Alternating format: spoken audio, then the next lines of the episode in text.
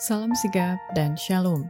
Renungan kita pada hari ini, Kamis 14 September 2023, berjudul Nyatakan kegembiraanmu karena ciptaan Tuhan adalah sangat indah.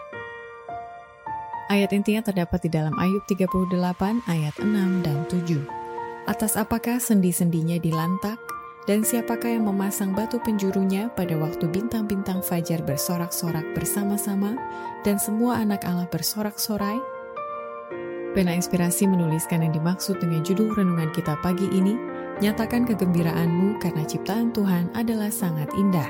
Adalah sebuah panggilan kehidupan yang praktis agar kita senantiasa tetap berusaha untuk dengungkan suara yang menyenangkan sebagai faktor yang menunjang kebahagiaan sejati dan sarana untuk memulihkan hubungan kita secara vertikal kepada Tuhan dan horizontal dengan sesama sebagai berikut.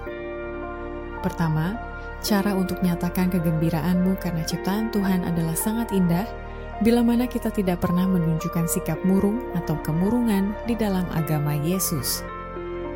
Apa saja yang dilakukan untuk kemuliaan Allah haruslah dilakukan dengan kegembiraan, bukan dengan kesusahan dan kemurungan. Tidak ada kemurungan dalam agama Yesus, jika orang-orang Kristen memberikan kesan dengan sikap yang menyedihkan karena mereka telah kecewa di dalam Tuhan mereka, mereka salah menggambarkan tabiatnya dan menaruh sanggahan ke dalam mulut musuh-musuhnya. Walaupun dengan kata-kata mereka dapat menyatakan Allah sebagai Bapa mereka, namun dalam kemurungan dan kesusahan, mereka menunjukkan ke dunia tidak mempunyai ibu dan bapa.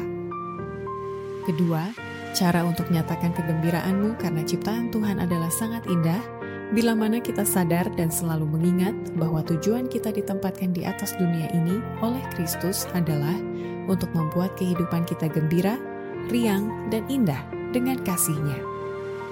Hukum Allah adalah hukum kasih.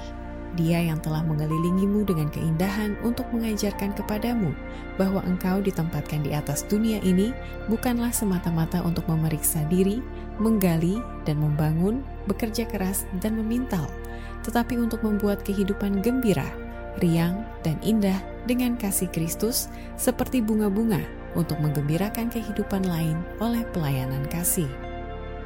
Ketiga, cara untuk menyatakan kegembiraanmu karena ciptaan Tuhan adalah sangat indah bila mana kita telah membuktikan bahwa kehidupan kita benar-benar mengakui dan sangat menghormati hubungan dengan Allah Bapa dan kepada setiap anggota keluarga dengan sangat harmonis.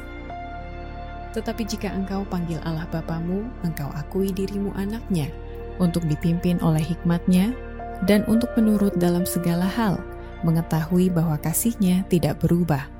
Engkau akan menerima rencananya untuk hidupmu.